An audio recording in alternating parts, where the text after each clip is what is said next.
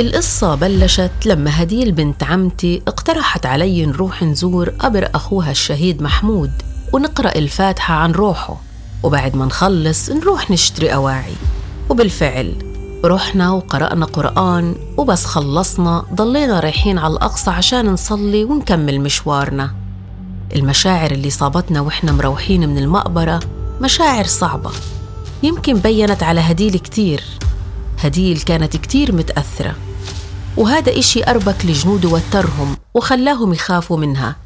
وإحنا بالطريق بشارع يافا بالقدس وبدون أي مقدمات. الرصاص بلش علينا زي المطر من كل الجهات. ليش؟ ما بعرف. هذا الحكي كان بتاريخ 23 11 2015 أنا إجت رصاصة برجلي ووقعت على الأرض.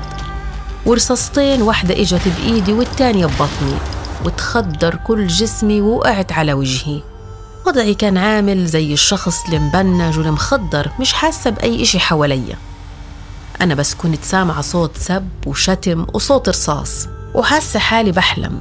بحاول أصحى بس مش قادرة. هذا الحلم صحيت منه بالمستشفى بعد العمليات. وما بعرف شو صار معي وكيف وصلت لهون وشو صار ما كنت فاكرة.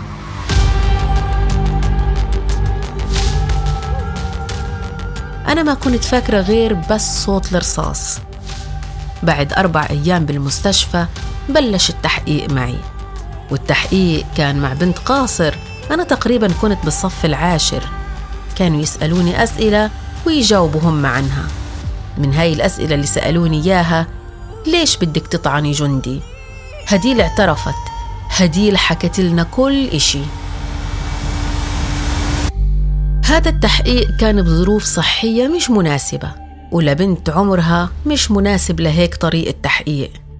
قلبي حكالي إنه هديل استشهدت لأنه الرصاص اللي كنت سامعته أنا على الأرض كان فيها. أبوي انحرم من زيارتي وأهلي تحقق معهم كتير والظروف اجتمعت عليهم بوقت واحد. في المحكمة سألت أمي عن هديل. أمي حكت لي إنه هديل استشهدت وانحجزت جثتها وكل يوم بيحققوا معنا. وبعد 18 مرة انعرضت فيها على المحكمة حكموني 13 سنة ونص وغرامة 30 ألف شيكل. والتهمة كانت حيازة سلاح وسكين وتنفيذ عملية طعن. والدافع انتقاما للشهيد محمود أخو هديل.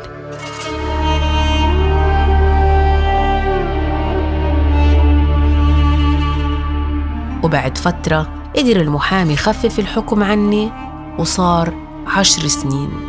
عشر سنين كمان كان حكم ظالم.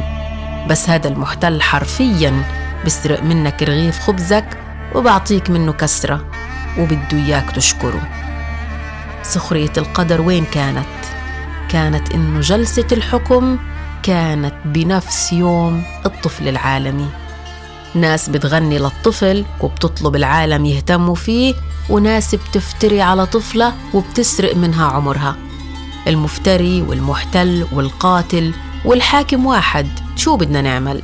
ما بعرف كيف جندي بيقدر يرفع سلاحه بوجه طفلتين ويطخهم أكثر من عشر رصاصات ويرمي سكينة جنبهم ويفتري عليهم ويخلي دمهم يتصفى ما بقدر أوصف لكم قديش هذا المحتل وسخ وقذر وبدون أي رحمة ولا حتى قلب.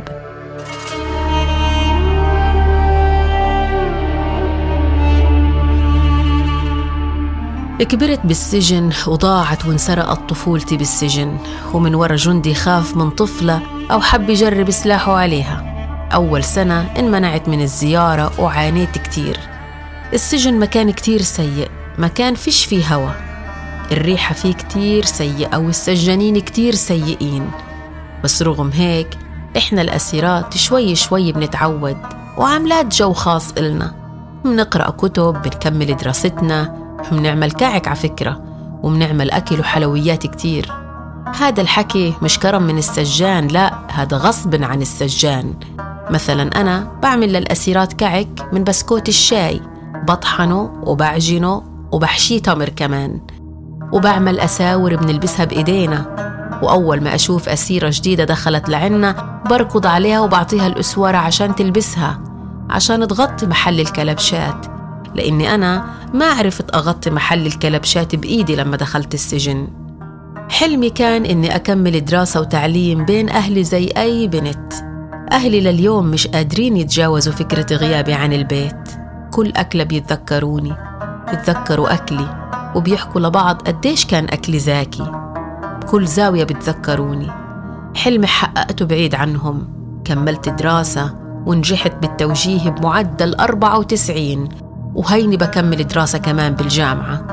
وزي ما في إنجازات بالسجن في معاناة. معاناة كبيرة جداً.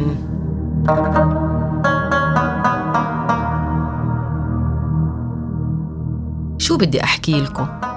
أنا من 8 سنين بعاني من الإهمال الطبي. تخيلوا إنه لسه في رصاصة ببطني. وفكرة إنه في رصاصة بجسمك. لحالها بتخوفك. هاي الرصاصة متعبة كتير. ولما بنراجع الدكتور والعيادة في السجن إيش هو بيعطونا؟ حبة دواء اسمها أكامول. هاي بالمناسبة بيعطوها لكل الأمراض. إحنا في السجن بالبرد بنتجمد وبالصيف بندوب. بنعاني طبيا وبنعاني نفسيا. إحنا محبوسين بأحلى مناطق بفلسطين ومش قادرين نشوفها. حابسين أجسامنا بس أحلامنا أبدا مش محبوسة وفكرنا كمان مش محبوس.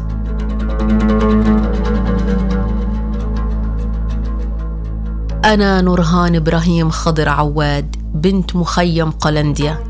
كلمتي الوحيدة إنه السجن ما رح يسكر علينا ورح يجي يوم هم بإيديهم يفتحوا لنا باب السجن. وعن نفسي رح أطلع بإيدي شهادة الجامعة وإيدي التانية رافعة علامة النصر. هيك ربنا كتب لي إنه هذا العمر أحلى سنين العمر تكون جوا السجن.